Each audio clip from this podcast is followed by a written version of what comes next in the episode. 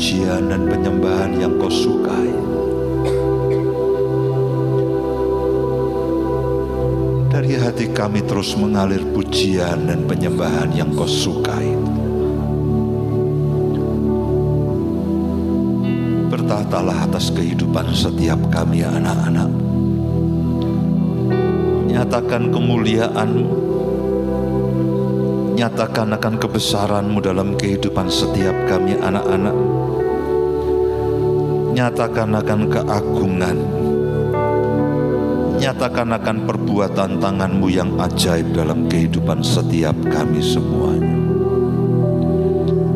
Terima kasih Tuhan, terima kasih. Ya rana musik Ya rana rana masik rana musikiri kana namura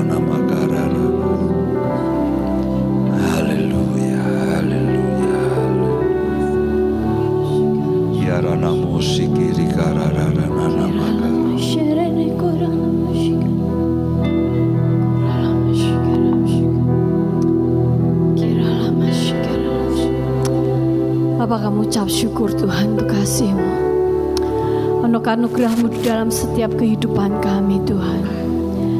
Kami percaya kepada Engkau Tuhan. Tahun ini Tuhan kami akan mengalami pemulihan demi pemulihan, kemuliaan demi kemuliaan di dalam Engkau Tuhan. Kami percaya kepadamu Tuhan. Tahun ini Tuhan kami kembali kepada Eden yang sudah kau sediakan dalam kehidupan kami.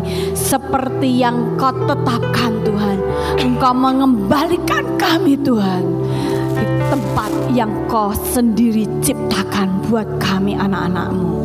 Tuhan kami mau percaya dan kami mau terus Tuhan percaya kepada Engkau. Kami mau percaya dan kami mau terus percaya kepada setiap janji firman-Mu. Karena setiap janji firman-Mu pasti Engkau genapi. Terima kasih Tuhan Yesus, terima kasih. Terpuji akan namamu ya Tuhan. Dari sekarang sampai selama-lamanya. Setiap yang percaya katakan, amin. Terima kasih. Tuhan Yesus terima kasih. Saudaraku, saya mau share sedikit, mungkin yang saudara ada di beberapa grup, saya sudah share tentang ini, tapi pagi hari ini saya rindu. Saya mau sharekan tentang apa yang menjadi doa saya, apa yang menjadi pergumulan saya dalam hari-hari ini. Saudara, nanti bulan Februari kita akan ke Kamboja, kita akan ke Kamboja beberapa teman, beberapa kita akan ke Kamboja untuk pelayanan pasar murah, untuk KKR, untuk kesembuhan. Terus terang ada banyak kan suara-suara. Nah, memang ada suara-suara yang masuk dan itu eh, kadang-kadang membuat pemikiran ini goyang. Cuman saya ketika saya dengar itu saya cuman berdoa sama Tuhan. Iya Tuhan, ngapain kita nih ke Kamboja jauh-jauh. Nah, Ngapain kita ke Kamboja? Saudara, kami semua yang berangkat ke Kamboja tidak ada yang dibayarin loh saudara. Kami bayar dewe-dewe termasuk semua staf yang berangkat. Dan saya lihat staf yang berangkat semangat-semangat, saya tuh mikir saudara.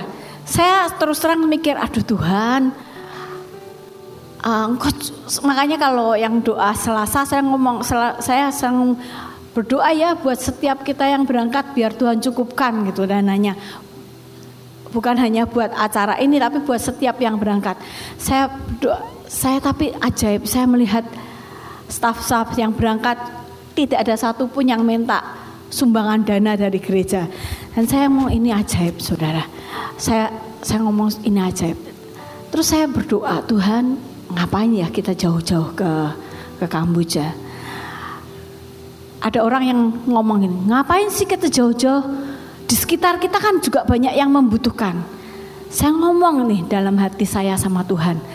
Tuhan, ini orang ngomong kayak gini. Menurut Tuhan gimana sih? Saya tuh dalam hati saya ngomong, menurut Tuhan gimana? Kenapa Tuhan gerakkan kita sejak akhir tahun lalu untuk rasanya tuh roh Tuhan tuh cepat sekali membak set gitu ya Jaya. Akhirnya kita langsung memutuskan ya kita mau ada pasar murah di sana. Saudara, ketika tanggal 14 Januari kita baca firman Tuhan sampai di Matius 9 Saudara, Matius 9. Nah, saya baca biasa tapi ketika itu Tuhan itu menjawab apa yang saya doakan. Tuhan itu menjawab apa yang jadi pergumulan saya. Jadi saudara ketika kita ada dalam pergumulan dan kita membaca dan merenungkan firman Tuhan, buka hati kita. Tuhan itu bisa berbicara melalui banyak hal, bukan hanya audible saudara, tapi melalui firman. Nah, pagi itu Tuhan berbicara melalui firman. Memang tanggal 14 itu sebetulnya Matius 9 tidak dihabiskan. Cuman saya sukanya kalau baca tuh lebih baik tak habis no satu pasal gitu. Nah, saya habiskan saudara. Nah Matius 9 ayat 35 sampai ayat 38. Mari kita baca sama-sama. Kalau kita lihat dari Matius 9 itu cerita tentang uh, kisah tentang bukan cerita ya saudara ini kisah kehidupan Tuhan Yesus ketika di bumi. Orang lumpuh disembuhkan oleh Tuhan orang sakit disembuhkan oleh Tuhan.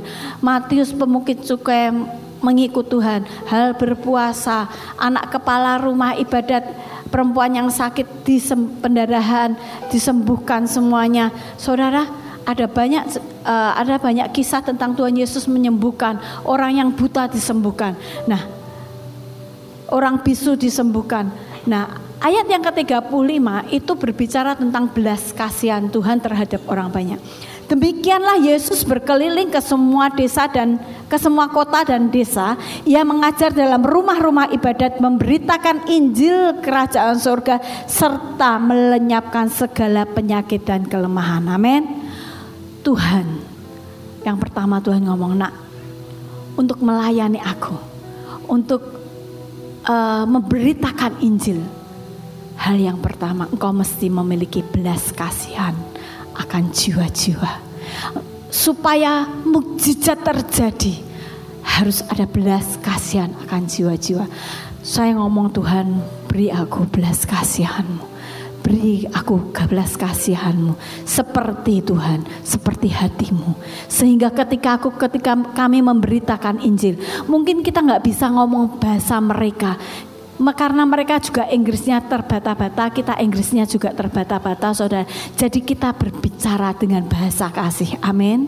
Karena kasih itu tidak terbatas, amin. Sentuhan kita akan menyembuhkan, sentuhan kita akan memulihkan, sentuhan kita akan membawa keselamatan, amin. Memang nanti yang khotbah Pak Yus khotbah akan diterjemahkan ke bahasa mereka, saudara. Tapi kita percaya bahwa ketika kita memiliki hatinya Tuhan Yesus, belas kasihannya Tuhan Yesus, semua itu akan terjadi. Keselamatan akan terjadi, lawatan akan terjadi, kesembuhan akan terjadi. Hal yang pertama yang Tuhan katakan, miliki hati yang penuh dengan belas kasihan. Hal yang kedua yang Tuhan katakan, melihat orang banyak itu tergelaklah hati Yesus oleh belas kasihan kepada mereka karena mereka lelah terlantar dan seperti domba yang tidak bergembala. Saudara, ketika saya baca ayat ini, saya mengulangi dari ayat 35 sampai 38. Terus saya ngomong, baca dari terjemahan yang lain. Saya baca dari terjemahan Amplified Bible dikatakan, mereka yang lemah, saudara, mereka yang lelah dikatakan, itu seperti mereka, mereka tuh orang-orang yang bingung, mereka orang yang dilecehkan, mereka tertekan, mereka orang yang sedih dan mereka orang yang tidak berdaya. Saudara, uh, ketika saya membaca ini, saya tahu Tuhan langsung ingatkan saya, nah bangsa ini, bangsa ini pernah mengalami penderitaan yang sangat. Saudara pasti tahu Killing Field, ladang pembantaian bangsa ini pernah dihabisi oleh rezim komunis. Dan ketika itu Tuhan seperti melihatkan kepada saya anak-anak kecil yang mereka kehilangan pengharapan. Anak-anak kecil, orang-orang tua yang sekarang mungkin sudah tua mereka mengingat itu menjadi trauma dan itu kesedihan. Saudara, kesedihan itu menjadi trauma bagi banyak orang, saudara. Kesedihan itu bisa mengalir kepada generasi kepada generasi. Mereka pasti akan berkata kepada anak cucunya, "Nak, dulu kakekmu dibantai." Itu akan membawa kesedihan Saudara saya melihat orang-orang yang sedih, orang-orang yang tertekan hidupnya, orang-orang yang tidak tahu bagaimana harus menjalani kehidupannya. Saudara Tuhan bawa saya melihat itu saudara. Saya belum pernah ke sana. Tapi bangsa ini belum semaju Indonesia. Buat teman-teman yang sudah berkesana, dia katakan seperti Indonesia tahun 70-an lah. 70 75, Saudara. Mereka miskin. Yang laki tidak mau bekerja. Yang perempuan bekerja. Saya percaya yang perempuan bekerja karena terpaksa. Saudara, bangsa ini hidup di dalam kondisi seperti yang di firman Tuhan katakan, dilecehkan, tertekan, sedih dan tidak berdaya. Hari-hari ini Pak Kos Bulili, eh, Bang Richard ada di sana, mereka sedang mengadakan doa keliling. Mereka datang ke satu tempat di mana tumpukan uh, tumpukan tengkorak ada, saudara itu orang-orang yang dibantai pada masa itu. Saudara, betapa menyedihkannya hati ini. Betapa menyedihkannya. Tuhan ngomong, nak, kenapa aku suruh engkau ke sana? Kenapa aku suruh gereja ini ke sana? Karena inilah kondisi yang ada di sana. Saya ketika ketemu, ya Tuhan, aku ngerti.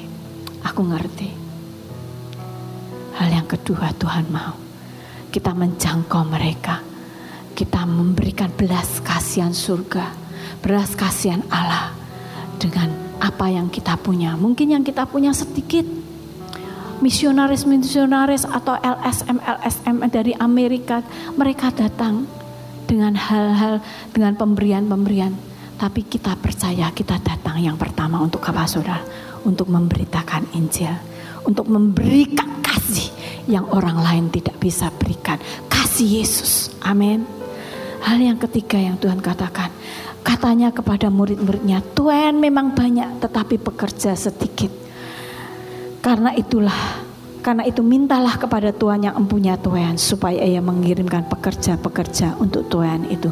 Saudara, kita dipilih untuk menjadi pekerja-pekerja. Amin. Gereja ini bukan yang berangkat saja, setiap kita karena kita dat pergi ke sana diutus oleh gereja Tuhan, gereja lokal di tempat ini. Amin kita diutus menjadi pekerja-pekerja, menolong teman-teman yang ada di sana.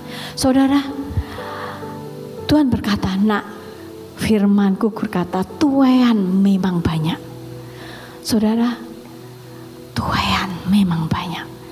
Tuhan ngomong, nak inilah masa menuai untuk bangsa ini. Bangsa ini sedang ranum-ranumnya sedang seger-segernya untuk dituai saudara. Karena uh, Pak Pendeta Markus dari GKKT Jakarta yang ada di sana yang menjadi misionaris di sana katakan di sini kalian boleh memberitakan Injil dengan bebas. Saudara, ini satu kesempatan. Tuhan ngomong inilah masa tuayan. Inilah masa tuayan di mana mereka terbuka untuk kita jangkau. Mereka terbuka untuk menerima Yesus sebagai Tuhan dan Raja. Tuhan ngomong jangan sampai Tuhan Tuhan itu menjadi masak dan busuk. Saudara, ketika Tuhan menjadi masak dan busuk, Tuhan katakan itu sudah tidak bisa dituai lagi.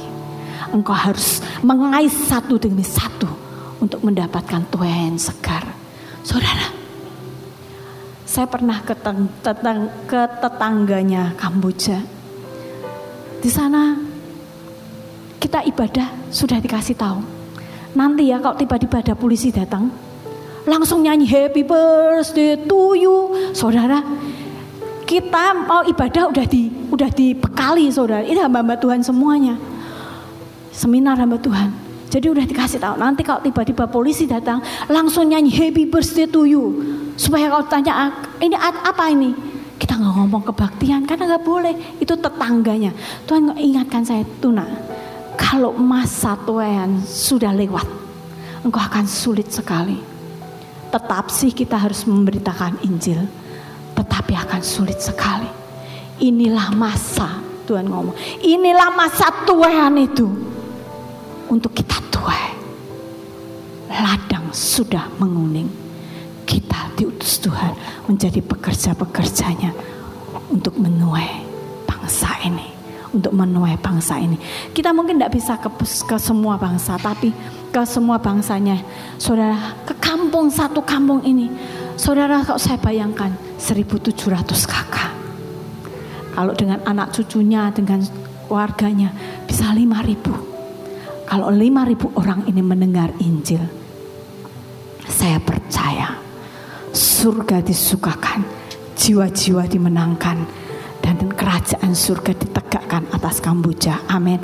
Atas kampung Cenang ini. Saudara, saya bersyukur, saya bersyukur. Kenapa saya bersyukur saudara? Karena kita ke sana. Dan Tuhan ngomong, nak, tuayan sudah menguning. Engkau pekerja cuma menyabit. Nanti nih ada yang mengulahnya. Sudah ada teman-teman kita di GKKD di sana yang siap memuridkan. Saudara, ketika tuayan itu baik, ada tuayan itu yang akan menjadi benih. Amin. Amin. Ketika kita menuai, pastikan kita tidak makan semuanya. Uh, apa namanya uh, petani pasti akan ada disisikan untuk menjadi benih. Saudara Tuhan tadi ngomong sama saya, nah ketika engkau menuai itu ada beberapa yang nanti akan menjadi benih dan itu menjadi benih lawatan. Itu akan menjadi benih hamba-hamba Tuhan yang ada di sana. Jangan kamu kecil hati. Lakukan apa yang sudah aku perintahkan. Lakukan dengan segenap hati apa yang sudah aku suruhkan. Saudara, saya jadi mantep saudara. Saya jadi, mm, yes, saya percaya. Engkau Tuhan yang perintahkan kami. Dan aku percaya pekerjaanmu akan dimuliakan. Amin. Kita pergi bukan pergi sendiri, tapi kita pergi dengan kuasa dan otoritas yang daripada Tuhan. Amin. Saudara, jadi tidak terlambat. Saudara, saya bersyukur dalam minggu ini, ya, dalam minggu ini uh, beberapa teman saya, ada satu teman saya dari Amerika, dia tuh pertama dengar ini, dia tuh ngomong gini, Bu, boleh nggak Bu, aku ikut nabur atau ikut? Oh silahkan, saya bilang gitu. Kalau kamu mau ikut silahkan. Oke Bu, saya atur jadwal. Ini teman saya dari Amerika, kerjanya di NASA, saudara. Kemudian beliau beberapa hari kemudian seminggu kemudian waktu itu dia ngomong aduh bu sorry aku nggak bisa ikut karena aku harus ke ada pelayanan di mana gitu saya lupa. Kemudian nabur juga enggak bu karena ini ada kebutuhan yang lain. Waktu itu Jakarta banjir saudara. Jadi dia kirim duitnya ke Jakarta. Kemarin kemarin orang ini ngomong bu WA saya boleh nggak bu? Apa sih ada kesempatan nggak bu buat saya nabur Silahkan bu, silahkan. Masih ada kesempatan karena kami belum berangkat. Jadi masih ada kesempatan. Saudara, dia ngomong saya berdoa dan Tuhan perintahkan saya untuk menabur pelayanan di Kamboja. Oleh sebab itu mari setiap kita di sini berdoa Tuhan bagianku apa? Bagianku berangkat, bagianku berdoa, atau bagianku menabur. Jangan sampai kita miss dari apa yang sudah Tuhan tetapkan. Karena setiap kita mesti melakukan di dalam ketepatan berdoalah. Saya tidak bilang saudara semua harus menabur enggak saudara semua harus berangkat juga enggak malah bingung nanti kita cari hotelnya cari pesawatnya saudara. Karena pesawatnya sudah mulai mahal. Kita semua carinya yang murah-murah dan pesawatnya sudah mulai mahal. Saudara berdoa apa yang jadi bagian kita kalau Tuhan bilang Nak, ya kamu bagianmu berdoa, puasa sampai selesai acara itu. Puasalah saudara, tidak ada yang mustahil saudara kalau Tuhan suruh itu. Amin, amin. Kalau saudara berbicara, nak tabur uang jajanmu hari ini buat mahasiswa. Tabur, belajarlah. Saya belajar menabur ketika saya menjadi mahasiswa, ketika saya pelajar saudara. Belajar, belajar saudara lakukan di dalam ketepatan. Amin. Karena ketika kita melakukan di dalam ketepatan, Tuhan di surga disukakan surga terbuka atas kehidupan setiap kita. Amin.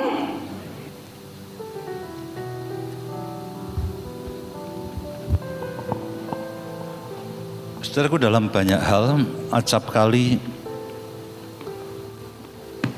Tuhan itu bahwa kita melangkah dulu baru mengerti. Dan itu memang prinsip kerja Tuhan seperti ketika dia memanggil Abraham itu, Tuhan katakan berangkat saja. Nah, dalam perjalanannya baru Tuhan memberikan banyak pengertian kepada Abraham. Sejujurnya di dalam rencana kita ke Kamboja ini juga Tuhan lakukan hal yang sama. Kita bilang ya, lalu kita melangkah. Ketika pertama kali saya minta Pak Esra dan Pak Andre ke Kamboja untuk survei, cobalah survei ke sana. Saya juga belum mengerti semuanya. Nah, saudaraku begini, saudaraku perhatikan baik-baik.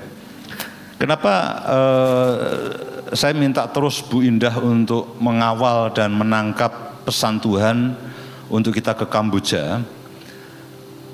Karena saya rindu bahwa saudara semuanya itu merespon dengan benar bahwa ini bukan sekedar sebuah aktivitas, bukan sebuah kegiatan kemasyarakatan atau sekedar ya katakanlah mission trip dan sebagainya. Tapi lebih dari itu kita itu merindukan bahwa kita betul-betul bertindak dalam ketepatan seperti yang Tuhan mau.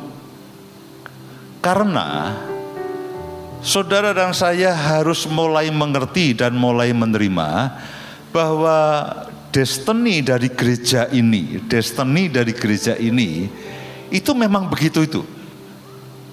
Jadi kadang-kadang saya Tuhan, ada begitu banyak kerepotan-kerepotan di dalam semua pelayanan sosial kemasyarakatan yang sepertinya tidak habis-habisnya.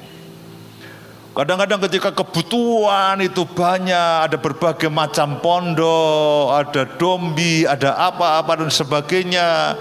Lalu ketika semua antri, Pak yang ini kontrak rumahnya hampir habis, yang ini hampir habis, ini hampir habis, ini hampir habis, ini hampir habis, ini hampir habis.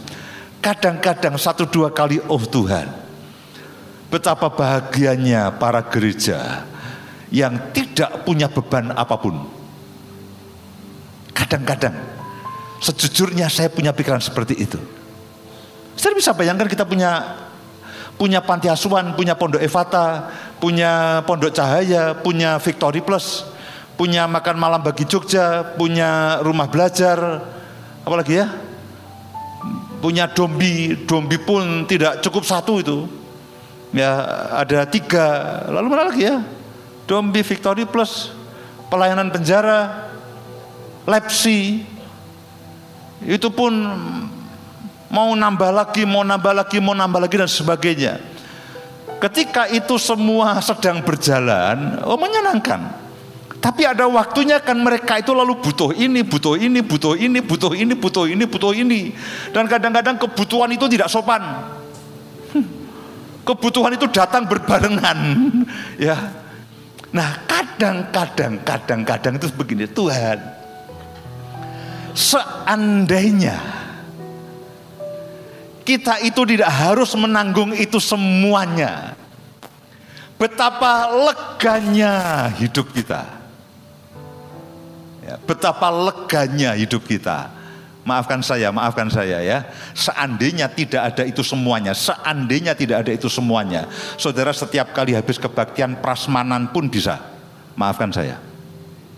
Seandainya tidak ada itu semuanya, saudara mau habis kebaktian setiap kali Pak kita mau kebaktian setiap kali lontong opor, sate bakar, sate goreng, sate rebus, apa pun kita mau, pokoknya kita habis kebaktian prasmanan itu bisa saudara. Tapi setiap kali saya merenungkan dan saya katakan Tuhan,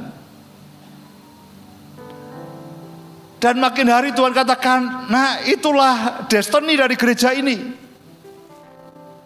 Itulah kodrat ilahi dari gereja ini. Itulah panggilan surgawi bagi gereja ini. Gereja ini akan terus dikelilingi oleh orang-orang yang membutuhkan, oleh orang-orang yang miskin, oleh orang-orang yang menderita. Dan itulah yang Tuhan tetapkan untuk saudara dan saya. Dan sejak hari itu saya mulai bersyukur untuk setiap apa yang Tuhan percayakan dalam kehidupan kita. Dan ketika urusan Kamboja ini lalu meningkat, meningkat, meningkat, meningkat. Nah saya Tuhan ini akan membutuhkan cukup banyak sekitar 120 juta itu tidak termasuk ongkos transport dan penginapan karena semuanya itu mereka apa namanya membiayai dirinya sendiri. Jadi jangan berpikir bahwa uang yang saudara taburkan itu saya pakai, Pak Andre pakai, Adi Salih pakai, itu tidak. Semua kita yang berangkat itu mandiri, Selain mandi sendiri, juga kita mengongkosi semua perjalanan kita.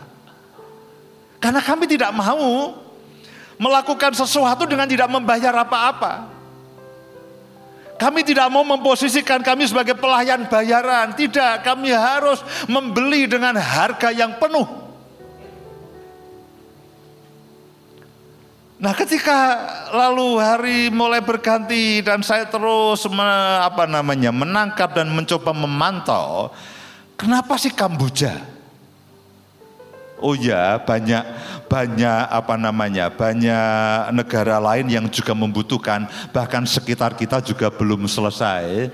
Ya, ketika saya share pada seorang teman katakan, eh, saya tahulah itu sindiran halus bagi saya uh, saya anu aja melayani sekeliling saya aja gitu ya. Saya katakan, oh ya puji Tuhan itu bagus lah saya katakan begitu. Tapi kenapa kita harus jauh-jauh ke sana? Beberapa hari saya coba pelajari sekilas mengenai Kamboja. Dan saya makin tahu bangsa yang tinggal dalam kegelapan akan melihat terang yang ajaib. Bangsa yang tinggal, secara bangsa ini itu pernah mengalami masa kelam yang menurut saya salah satu yang paling mengerikan. Kalau saudara baca Wikipedia, saudara baca sejarah e, Kamboja, itu ada satu orang pemimpin yang namanya Pol Pot, tahun 75, 76 sampai 79. Dia me, apa namanya? E, melakukan sistem pemerintahan komunis yang disebut dengan kediktatoran totaliter.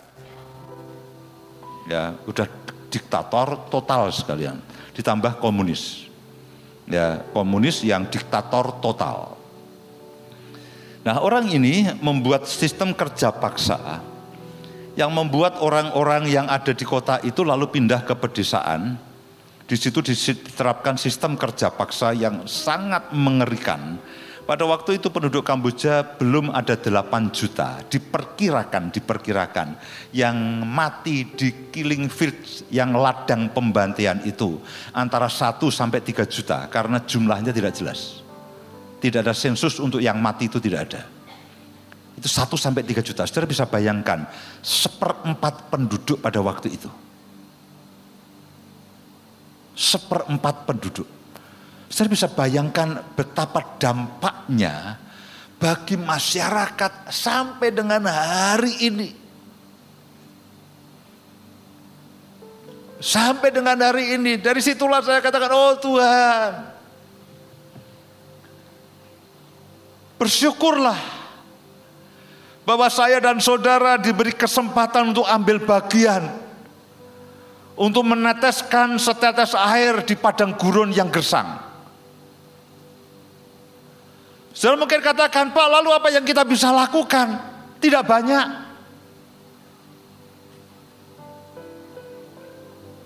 Tidak banyak. Itu hanya seperti setetes air bagi orang yang kehausan hampir mati di padang gurun. Tidak banyak.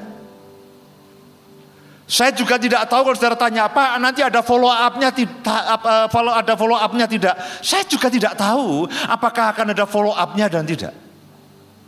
Yang saya tahu adalah saya dan saudara Tuhan pimpin Tuhan beri kesempatan.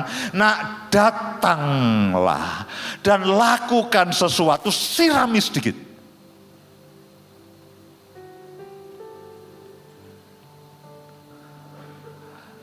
Hanya dibutuhkan seorang Yohanes Pembaptis. Orang mungkin mengatakan, apa sih gunanya Yohanes Pembaptis? Tidak lama pelayanannya, tidak banyak yang dia lakukan, dan tidak lama pelayanannya. Tapi Yohanes Pembaptis dikatakan dia mempersiapkan jalan yang lebih besar. Saya tahu dan saya sadar bukan hanya kita yang ambil bagian di Kamboja. Ada banyak pekerjaan misi di sana. Tapi kalau Tuhan beri saudara dan saya kesempatan dan kehormatan, nah lakukanlah sesuatu. Saya katakan Tuhan, kami akan lakukan itu dan itu menyenangkan hatimu dan itu akan membuat jalan yang lebih besar. Itu akan terbentang luas dan kita satu waktu akan melihat keselamatan yang lebih besar atas negara ini. Setiap minggu saudara dapat amplop untuk Kamboja. Berdoalah. Taburlah dengan segenap hati. Saat ini sudah terkumpul mungkin sekitar 40 atau 45 atau 50 juta. Sekitar segitu. Kita membutuhkan sekitar 120 juta. Saya berdoa sebelum bulan ini berakhir, semua kebutuhan itu sudah terpenuhi. Juga kalau Bapak Ibu punya pakaian pantas pakai yang masih oke, yang masih bagus, belum sobek sana sini, ya lunturnya belum terlalu banyak, kumpulkanlah. Teman-teman akan memilih, akan memilah mana yang bisa dibawa ke Kamboja. Setiap apa pun yang saudara lakukan, itu akan menjadi berkat. Dan kadang-kadang saya juga heran, ada orang-orang itu yang kemarin lewat Bu Indah itu ada orang-orang yang minta izin. Minta izin untuk memberi apa namanya, untuk ambil bagian. Kadang-kadang saya katakan Tuhan terima kasih nih. Ya, saya selalu berdoa Tuhan, saya merindukan itu kalau ada orang itu membawa korban, membawa sembahan itu dengan takut dan gentar. Kita tidak ingin ada ketemu dengan orang-orang yang memberikan persembahan dengan apa? Dengan congkak, dengan pongah, dengan kesombongan dan keangkuhan. Aku mau memberi persembahan, aku dapat apa dan sebagainya. Saya katakan Tuhan jauhkanlah dari itu. Kita merindukan orang-orang yang memberikan persembahan dengan takut dan gentar. Beberapa orang itu sampai minta permisi, boleh nggak kali ini kami ambil bagian? Boleh tidak kami kali ini mengambil bagian? Tentu saja Bu Indah itu bukan hanya pemberi yang baik, dia penerima yang baik. Ya, tidak ada, oh sebentar saya pertimbangkan dulu, itu tidak ada. Dia selalu katakan silahkan, silahkan kalau memang Tuhan berbicara. Jadi saya mendorong saudara, ini adalah destiny yang Tuhan berikan kepada saudara dan saya untuk diberkati dan menjadi berkat untuk diberkati sampai berkelimpahan. Saudara tahu maksudnya berkelimpahan? Berkelimpahan itu tumpah. Berkelimpahan itu tumpah. Kalau ada satu wadah, eh, satu wadah lalu diberi oleh diberi air atau diberi cairan tertentu, lalu dikatakan bahwa sampai tumpah, itu artinya air itu akan mengalir kepada yang lainnya. Saudara dan saya ini adalah orang-orang yang berkelimpahan. Amin. Lu saudara ini tidak kerasa saudara ini orang yang berkelimpahan. Loh Pak, tapi butuh saya banyak. Oh ya, kalau kita bicara kebutuhan itu tidak ada habisnya. Saudara butuh apa? Butuh HP? Oh iya butuh HP. Ada habisnya enggak? Tidak ada. Tidak cukup dengan yang kameranya satu. Saya mau yang kameranya tiga. Keluar lagi yang kameranya lima. Saya tidak cukup dengan kameranya lima. Saya mau yang semuanya kamera kalau bisa. Depan, belakang, atas, bawah, semua kamera. Loh, kalau kita bicara tidak cukup, tidak cukup loh saudaraku. Lupa masih banyak kebutuhan kita. Oh ya. Kalau saudara mau belajar yang namanya kelimpahan, saudara juga harus belajar cukup. Hari ini saya berkelimpahan. Oh ya. Saya bisa memberikan persembahan karena saya berkelimpahan. Loh Bapak tidak butuh yang lainnya. Oh ya kalau kita bicara kebutuhan itu tidak ada habisnya. Satu kali saya ngobrol dengan apa namanya dealer HP. Ketika lihat HP saya, Kak, HP-nya itu jenis apa toh? Loh, loh kamu kan penjual HP. Saya sudah lama tidak melihat yang jenis seperti itu. Nah, saya bilang ini buat motret kamu masih jos, masih jelas saya bilang begitu. Ya buat selfie masih oke okay, saudaraku. Saya ini sudah tidak ada ini di pasaran saya kata. Oh ya kalau kita kita mau mau kalau kita bicara mengenai kebutuhan dan keinginan tidak ada selesainya loh saudara. Tapi kalau saudara mau belajar hidup berkelimpahan hari ini ketika saudara masih bisa menabur itu artinya saudara hidup dalam kelimpahan. Abraham dipanggil tidak untuk menjadi apa namanya lumbung.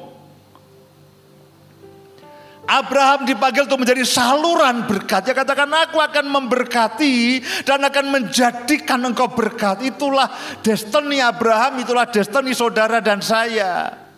Ada waktunya saudara akan menikmati roti yang disediakan oleh Tuhan. Nikmatilah. Oh Pak saya suka daging. Saudara bisa makan steak di mana pun. Sekarang eh, kedai rumah makan steak banyak sekali. Saudara mau makan, Pak saya ini tidak mau roti, saya mau steak. Yang masing-masing 2 kilo, 3 kilo, 4 kilo ada itu saudaraku. Ada waktunya kita makan roti yang Tuhan berikan kepada kita. Tapi ada waktunya kita juga menabur benih yang Tuhan sediakan bagi saudara dan saya. Kenapa saya sampaikan ini? Karena saya mau saudara dan saya itu begini, oh ya inilah destiny dari gereja kita. Bahwa kita akan terus menjadi berkat, terus menjadi berkat, terus menjadi berkat, terus menjadi berkat, dan terus menjadi berkat. Kita dari persembahan yang misi yang saudara berikan setiap minggunya. Kita kemarin membantu teman-teman yang ada di Sorong. Mereka ada gereja perintisan yang juga kita akan terlibat banyak di Sorong dan di Raja Ampat. Di Sorong dan Raja Ampat. Mungkin setelah ini ketika musim hujan berlalu, mungkin akan ada mission trip ke Raja Ampat. Ya, siapkan pakaian renang dan pakaian selam saudara Ya, saudara akan ketemu dengan Nemo itu banyak sekali. Nah, kemarin kita kirim dari persembahan misi yang saudara berikan setiap uh, minggu itu kita bantu. Mereka punya perintisan gereja yang sekarang juga sedang sedang diatur supaya kita bisa ambil bagian dan kita mengadopsi. Kita membantu untuk uh, kontrak rumahnya untuk ibadah untuk semua kegiatan pelayanan dan sebagainya Nah saudaraku, itulah hidup saudara. Itulah gereja di mana saudara dan saya ini ada, saudara ditetapkan untuk menjadi berkat. Sampai saudara berdamai dengan itu. Perhatikan baik-baik, perhatikan baik-baik. Sampai saudara berdamai dengan destiny saudara. Karena ini gereja banyak sekali pengeluarannya ini, ini dan sebagainya. Saudara belum berdamai ini kok ini, ini kok ini, ini kok ini, ini kok ini, ini kok ini dan sebagainya. Saudara belum berdamai. Kemarin baru aja Natal kita diminta untuk menggalang ini dan sebagainya, untuk bongkar rumah, untuk memperbaiki rumah, lalu ini ke Kamboja, lalu akan ke Sorong, saudara ini akan ke Raja Ampat, ini kemudian dan sebagainya. Kalau saudara masih mengeluh, saudara ber, belum berdamai dengan yang namanya menjadi berkat. Ketika saudara belum berdamai dengan yang namanya menjadi berkat, saudara belum berdamai juga dengan yang namanya berkat. Saya berharap saudara berdamai dengan destiny yang ditetapkan Tuhan untuk saudara dan saya, bahwa saudara akan diberkati dan menjadi apa? Menjadi apa? Menjadi berkat. Baik, itu sedikit mengenai Kamboja. Mari kita lanjutkan apa yang sudah kita pelajari beberapa minggu. Mari lihat sama-sama di dalam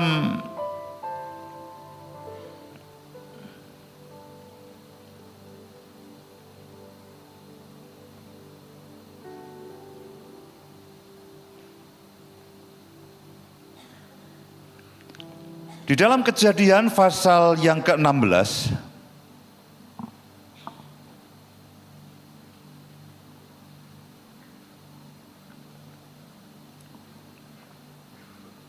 Kejadian pasal yang ke-16 ayat yang pertama Kemudian datanglah firman Tuhan kepada sorry, kejadian 15, maafkan saya.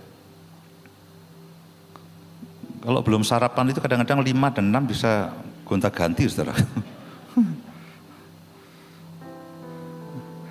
Kejadian pasal yang ke-15 ayat yang pertama. Kemudian datanglah firman Tuhan kepada Abram dalam suatu penglihatan. Saudaraku saya berdoa, saya berdoa, saya berdoa sebelum saya lanjutkan. Saya berdoa kan Tuhan janjikan bahwa kemuliaan rumah yang selanjutnya akan lebih baik dengan yang daripada yang sebelumnya. Itu artinya bicara mengenai semua bagian dalam kehidupan saya dalam Hagai, tolong Hagai pasal 2, 2 eh, ayat 9 lagi. Kita coba sebentar. Saya ingin terangkan satu hal dan apa yang saudara bisa harapkan dari situ. Adapun rumah ini kemegahannya, kemegahannya atau kemuliaannya atau ke, kebesarannya. Adapun rumah ini yang kemegahannya yang kemudian akan melebihi kemegahannya yang semula firman Tuhan semesta alam dan di tempat ini aku akan memberi damai sejahtera demikianlah firman Tuhan semesta alam Tuhan janjikan begini tahun ini adalah tahun kemuliaan dan kemuliaan yang terbaik, kemuliaan yang terbaik itu bukan apa yang saudara pakai, apa yang saudara kendarai, apa yang saudara makan. Bukan itu kemuliaan yang terbaik. Kemuliaan yang terbaik itu adalah Tuhan sendiri. Kemuliaan yang terbaik itu adalah Tuhan sendiri. Nanti kita akan baca beberapa ayat mengatakan akulah yang akan menjadi kemuliaanmu. Kemuliaan yang terbaik itu adalah Tuhan sendiri, kehadiran Tuhan sendiri.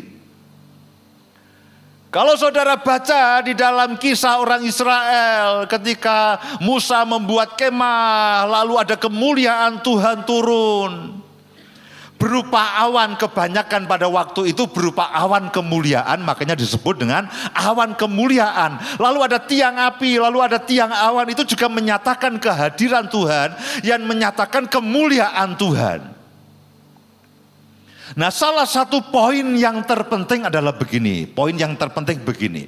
Seperti yang dikatakan kepada Abram tadi, kepada Abram tadi, Kejadian 15 ayat yang pertama. Kemudian datanglah firman Tuhan kepada Abram dalam satu penglihatan.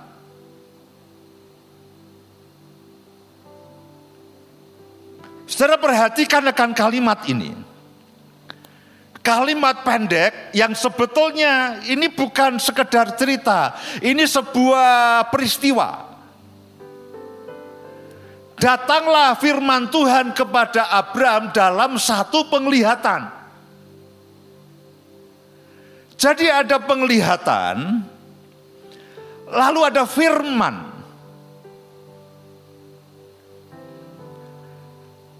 Kemudian datanglah firman Tuhan dalam satu penglihatan. Jadi pada hari itu, pada waktu itu Tuhan itu mendatangi Abraham dalam satu penglihatan, lalu juga ada firman yang keluar. Nah sebelum kita sampai kepada isinya itu apa? Saya ingin saudara menangkap satu kebenaran bahwa bukanlah sesuatu yang mustahil dan itu yang sering kali acap kali saya doakan, Tuhan biarlah terbuka semua indera rohani kami. Saya masih ingat sering kali saya berbicara, saya berdoa seperti itu. Tuhan bukakan semua indera rohani kami. Supaya apa? Supaya saudara dan saya itu setiap kali, saudara bisa mendengar firman rema yang daripada Tuhan Saudara bisa mendengar pewahyuan yang daripada Tuhan. Saya juga terus berdoa Tuhan terbuka semua indera rohani kami, termasuk mata rohani kami, sehingga sementara saudara mendengar pewahyuan dan rema yang daripada Tuhan, matamu juga dicelikan oleh Tuhan sehingga kau bisa menangkap, kau bisa melihat akan Tuhan. Setelah tanya, Pak, prakteknya bagaimana? Saya mungkin belum bisa katakan, ayo praktek sekarang mungkin belum bisa. Ayo praktek sekarang. Kupingnya digerak-gerakkan. Cedik, cedik, cedik, cedik, tidak bisa. Karena tidak ada klepnya di situ. Tapi saya berdoa, saya berdoa. Perhatikan baik-baik, perhatikan baik-baik. Karena sekali ini terjadi dalam kehidupan saudara, dan berulang kali ini terjadi dalam kehidupan saudara. Dan saya berdoa setiap kali ini terjadi dalam kehidupan saudara. Perhatikan baik-baik sebelum kita sampai kepada isinya. Sejauh mana kita bisa belajar pagi hari ini. Tapi pada waktu dikatakan kemudian datanglah firman Tuhan kepada Abraham dalam satu penglihatan. Lupa ini kan dalam perjanjian lama, dalam perjanjian baru apa ada banyak sekali. Bagaimana Tuhan bertemu dengan Petrus, Tuhan bertemu dengan Paulus dan sebagainya.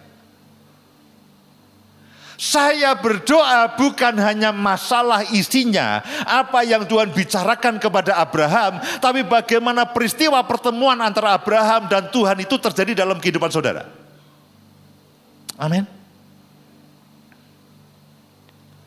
Telinga rohani saudara akan mendengarkan apa yang Tuhan ingin sampaikan dalam kehidupan saudara. Dan mata roh saudara akan terbuka mata roh saudara akan terbuka dan telinga rohani saudara akan terbuka. Saudara akan menjadi orang-orang yang sangat sensitif dengan bisikan Tuhan. Tuhan tidak perlu berteriak seperti saudara memanggil Siome. Harus jarak rong atas meter Siome. Blok blok blok blok Siome. Din din din. Enggak sampai seperti itu saudara. Ketika Tuhan hanya berbisik pelan. Nah, tabur. Tabur. Nah, ke sana, ke sana. Nah, ayo doa. Saya berdoa. Ayo baca firman, baca firman. Tuhan tidak perlu mendatangkan halilintar yang membuat saudara lalu terjaga lalu oh baca Alkitab, baca Alkitab, baca Alkitab. Kalau beledeknya sekali baca Alkitab, kalau dua kali berdoa, kalau tiga kali nyembah, tidak perlu begitu saudaraku itu merusak trafo listrik. Itu setiap kali ada halilintar kadang-kadang itu trafo di, di dekat rumah saya, dua ikut mati saudaraku. Jadi tolong jangan lakukan itu dengan Tuhan. Karena itu mengganggu aliran listrik ke rumah saya. Yang lainnya bisa diakali pakai lilin. Tapi ada beberapa ikan yang harus belekutuknya itu harus hidup terus saudaraku. Jadi saya terpaksa punya genset, bukan masalah penerangan. Saya punya genset ya.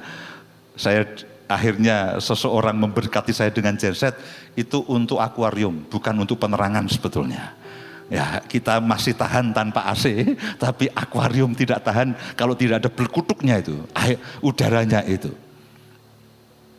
Tapi saya berdoa, saya berdoa, saya berdoa, saya berdoa seperti apa yang dialami oleh Abraham ini. Lalu Abraham dikatakan dia mendengar firman Tuhan dalam satu penglihatan. Saya berdoa ini akan terus menghiasi akan hari-hari saudara. Amin. Firman Tuhan dalam satu penglihatan.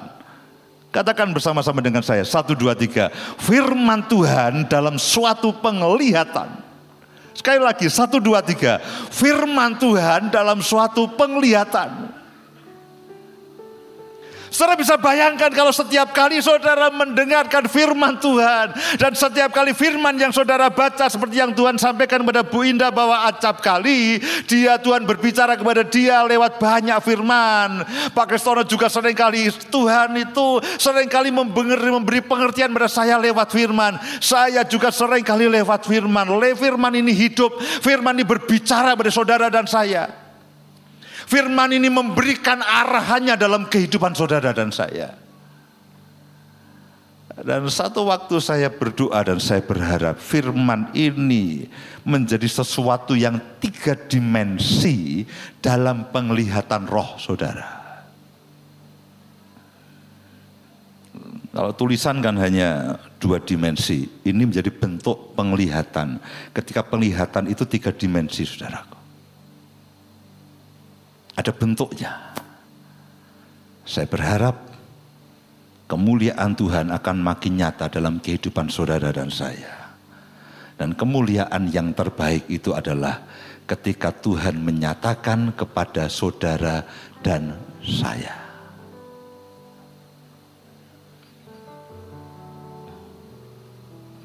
Kemudian datanglah firman Tuhan dalam kepada Abraham dalam suatu penglihatan. Menarik sekali. Saya katakan Tuhan, saya ketika baca ayat ini saya katakan saya mau ini Tuhan terjadi dalam kehidupan saya. Itu akan menarik dan menyenangkan sekali. Kehidupan kekristenan saudara bukan hanya perintah manusia. Kehidupan kekristenan saudara bukan hanya kebiasaan, tapi kehidupan kekristenan saudara akan menjadi pengalaman sehari-hari bersama dengan Tuhan. Janganlah takut Abraham. Akulah perisaimu. Upahmu akan sangat besar. Kalau Tuhan datang dan saudara bisa mengerti dan Tuhan itu datang, ujungnya begini nih saudara. Ujungnya itu begini nih. Kalau saudara bisa menyadari bahwa kehadiran Tuhan, ujungnya itu selalu begini. Upahmu akan sangat besar. Masalahnya adalah ketika kita tidak mendengar, ketika Tuhan berbicara, dan ketika kita tidak melihat, ketika Tuhan menampakkan dirinya. Saudara dan saya juga tidak akan bisa mendengar ketika dia berkata, akulah perisaimu dan upahmu sangat besar. Saudara mengerti ya? Saudara mengerti? Ketika saudara ikut di dalam pertemuan doa dan saudara ikut dalam pujian dan penyembahan, tetapi saudara tidak menyadari akan kehadiran Tuhan dan saudara tidak tahu bahwa Tuhan hadir, saudara juga tidak akan bisa mendengar kata-kata yang mengatakan upahmu sangat besar dan akulah perisaimu. Saya pernah sampaikan bahwa Tuhan itu tidak pernah datang dengan tangan kosong itu tidak pernah. Lalu dia iseng datang dan pergi tanpa melakukan apa-apa. Sejauh yang saya baca, sejauh yang saya tahu tidak pernah. Setiap kali dia menampakkan dirinya, setiap kali dia berbicara, selalu dia punya urusan. Dan kalau soal urusan dengan umatnya, dia akan selalu bicara yang baik dengan umatnya. Oh ya, kalau kita hidup dalam dosa, kita hidup dalam penyembahan berhala, Tuhan akan kita beri peringatan, Tuhan akan beri kita, uh, kuping kita akan diselentik, saudaraku. Tapi dalam banyak hal, setiap kali Tuhan berbicara, setiap kali Tuhan menampakkan dirinya, selalu dia itu tidak pernah pulang, tidak pernah datang dengan tangan kosong. Dia selalu begini, saudaraku. Dia selalu begini tuh. Hai, aku datang pagi hari ini. Kalau saudara cukup peka dan cukup sensitif, saudara liriklah tangannya. Oh Tuhan, bawa apa engkau pagi hari ini? Dia tidak pernah datang dengan tangan kosong dan tidak membawa apa-apa. Selalu ada yang harus dia berikan kepada saudara dan saya. Dia Tuhan yang berlimpah dengan kasih karunia. Dia Tuhan yang berlimpah dengan kasih setia. Memang tidak selalu berkat rohani, uh, tidak selalu berkat jasmani. Berkat rohani juga tidak kalah pentingnya bagi saudara dan saya. Setiap kali saudara melayani, setiap kali saudara ada dalam pujian penyembahan 24 jam. Kalau saudara bisa melihat dan mendengar, saudara akan bisa tahu apa yang Tuhan bawa. Ketika dia katakan kepada Abraham, kemudian datanglah firman Tuhan kepada Abraham dalam satu penglihatan. Janganlah takut Abraham, akulah perisaimu, upahmu akan sangat besar. Satu ayat ini tidak habis saudaraku. Lalu Abraham menjawab, ya Tuhan Allah, apakah yang akan engkau berikan kepadaku? Karena aku akan meninggal dengan tidak mempunyai anak. Dan yang akan mewarisi rumahku ialah Eliezer, orang Damsik itu. Lagi kata Abraham, engkau tidak memberikan kepadaku keturunan sehingga seorang hambaku nanti menjadi ahli warisku. Tetapi datanglah firman Tuhan kepadanya demikian. Orang ini, Eliezer orang Damsik ini, tidak akan menjadi ahli warismu, melainkan anak kandungmu, dialah yang akan menjadi ahli warismu. Lalu Tuhan membawa Abram keluar serta berfirman, "Coba lihat ke langit, hitunglah bintang-bintang. Coba lihat ke Kamboja, lihatlah jiwa-jiwa." Jika engkau dapat menghitungnya, maka firmannya kepadanya, demikianlah banyaknya nanti keturunanmu. Ayat 6 ini menarik sekali. Ayat 6 ini menarik sekali. Lalu percayalah Abram kepada Tuhan, maka Tuhan memperhitungkan hal itu kepadanya sebagai kebenaran. Kalau saudara baca ayat pertama sampai dengan ayat yang kelima, itu Tuhan dan Abraham masih tawar-menawar. Upahmu akan sangat besar, tapi Tuhan buat apa? Masih ada tapinya. Kalau saudara baca mulai dari ayat yang pertama sampai dengan ayat yang kelima, ketika Tuhan menampakkan dirinya kepada Abraham, Abraham itu masih begini saudara, masih goyang. Abraham itu masih goyang, dia masih oh Tuhan, tapi Tuhan, tapi Tuhan, tapi yang ini belum, yang ini belum terjadi, yang ini aku masih punya pertanyaan. Nanti siapa yang akan mewarisi semuanya ini? Kalau seandainya aku punya sangat banyak, lalu siapa yang mewarisi? Dia masih topa, tapi topa, tapi, tapi, tapi, tapi, tapi, dia masih topa, tapi, tapi Tuhan, tapi Tuhan, tapi Tuhan, tapi Tuhan. Sampai pada satu titik Dikatakan lalu percayalah Abram kepada Tuhan, maka Tuhan memperhitungkan hal itu kepadanya sebagai kebenaran. Jadi perhatikan baik-baik. Ketika Tuhan berkata, oh Abraham kamu akan punya keturunan, kamu aku akan memberkati engkau. Dia katakan, tapi Tuhan, tapi Tuhan, tapi Tuhan, tapi Tuhan. Lalu Tuhan, tidak, keturunanmu akan sebanyak bintang di langit. Satu titik, satu titik. Nah, saya berdoa, saya berharap titik ini jangan terjadi besok pagi. Sekarang juga, saudara sampai pada titik yang dinamakan percaya itu. Dan setiap kali saudara ada di situ, setiap kali saudara mendengarkan akan janji Tuhan, usahakan dan berdoalah pada titik di mana seperti yang Abraham tempati dikatakan percaya. Dan ketika Abraham percaya, lalu Tuhan memperhitungkan itu sebagai sebuah kebenaran. Abraham dianggap benar oleh Tuhan. Kalau kita berunding dengan seseorang,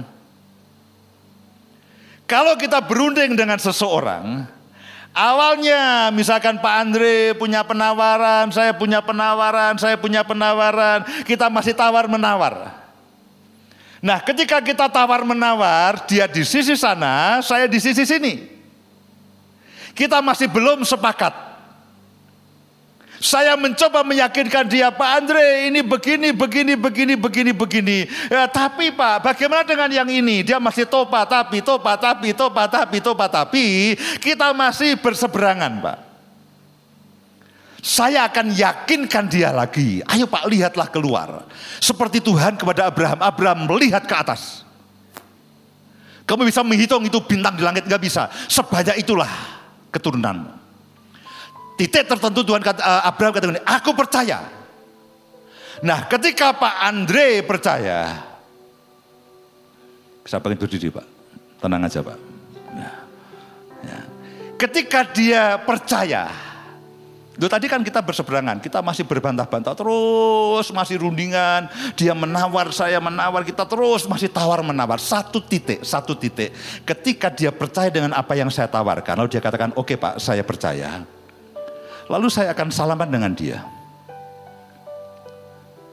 Saya menganggap apa yang ada di benaknya itu sama dengan apa yang ada di benak saya. Jadi dia akan ada di sisi saya. Karena kita sudah sepa, sepakat. Kalau tadi kita masih berdebat itu begini nih. Muraiso. Muraiso pak. Mana dadamu ini dadaku. Titik tertentu ketika dia percaya. Dia akan satu sisi dengan saya. Salaman dulu pak. Nah salaman. Lalu kita foto bersama, ya hanya kalau dengan saya selfie, ya ta. Lalu gambarnya muncul bersama. Nah, itulah ketika Abraham, silakan duduk Pak, kembalilah ke istrimu. Begitu Abraham percaya, Tuhan katakan ah, Tuhan menganggap dia itu sebagai sebuah kebenaran. Tuhan menganggap Abraham sebagai orang yang dibenarkan. Sebelumnya ini Abraham berseberangan dengan Tuhan.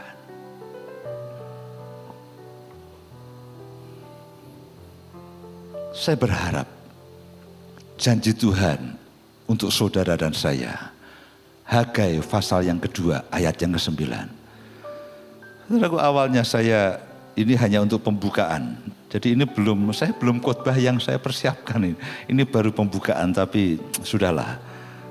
Minggu depan masih ada banyak kesempatan. Kembali ke Hagai pasal yang kedua ayat yang ke-9.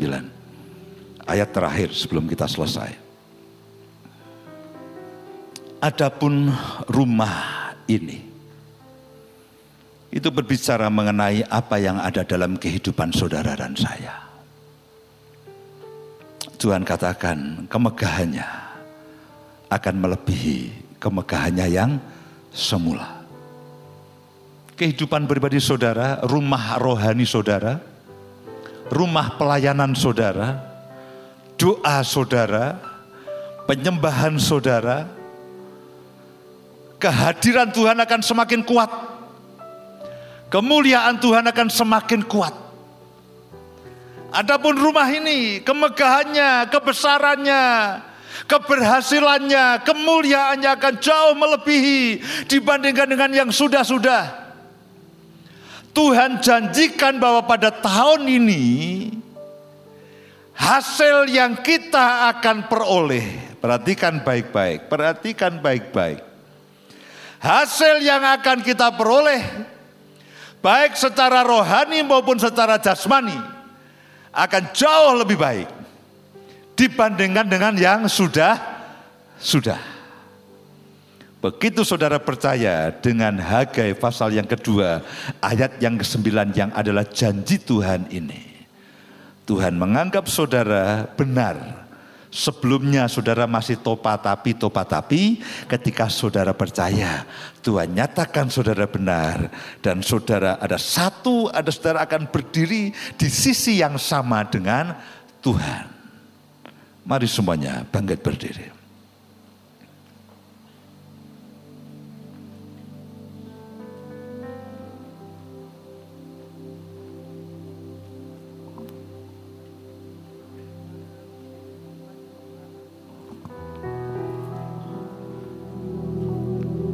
Ada untuk menyembah. Ku ada untuk memujamu. Ku dicipta tuh kagumimu Untuk bersandar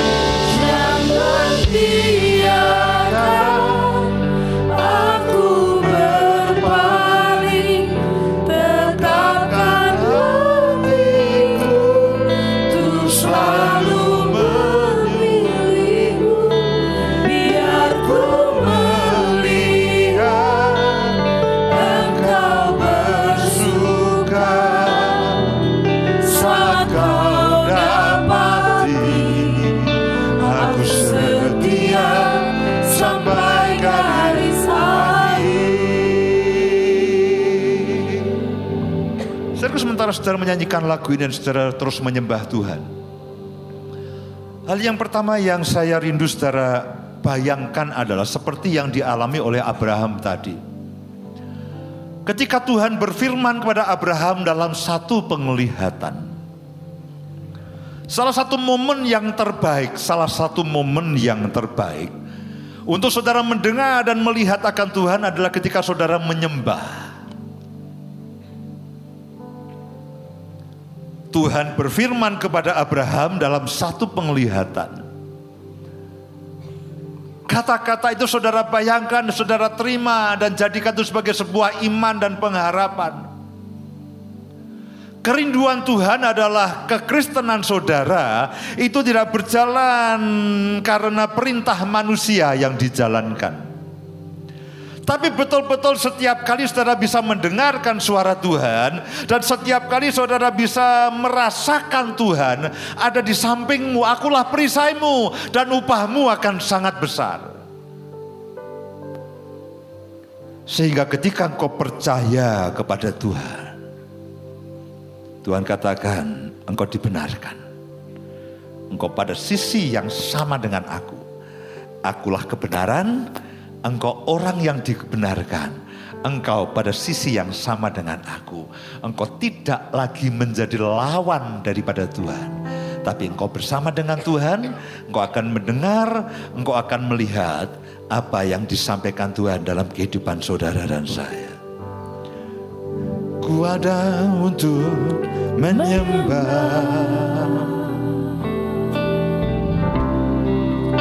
Ku ada untuk Mari roh kudus bawa setiap anak-anakmu. Buat mereka mendengar dan buat mereka melihat dan buat mereka merasakan. Buka semua indera rohani mereka. Terbuka semua indera rohani mereka. Katakan ku ada untuk menyembah, ku ada untuk memujamu. Ku ada untuk penglihatan rohani kami, pendengaran rohani kami, perasaan, pikiran kami semua terbuka untuk Engkau ya Tuhan. Tidak ada ketidakpercayaan, tidak ada keraguan, tidak ada kecemasan dan tidak ada intimidasi. Yang ada adalah iman dan pengharapan, iman dan pengharapan, iman dan pengharapan. Katakan sekali lagi, ku ada untuk menyembah, ku ada untuk memujamu. Bukan ketakutan, bukan kecemasan, tapi iman, pengharapan di dalam Engkau ya Tuhan. Ku ada untuk memujamu. Ku dicipta kagumimu. Untuk bersandar Jangan biarkan aku berpaling.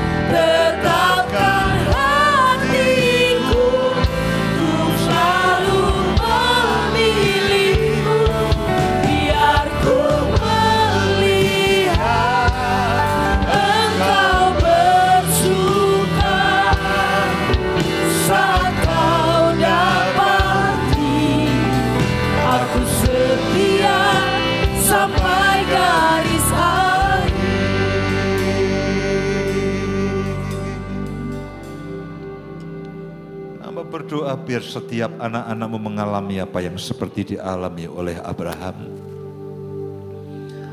Mereka akan mendengar dalam satu penglihatan.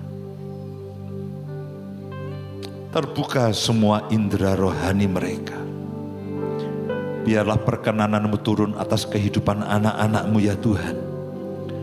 Dan setiap kali engkau berfirman, anak-anakmu akan mengatakan, Tuhan, aku percaya dan mereka akan berdiri di sisi yang sama dengan Engkau. Terima kasih Tuhan, terima kasih. Terima kasih.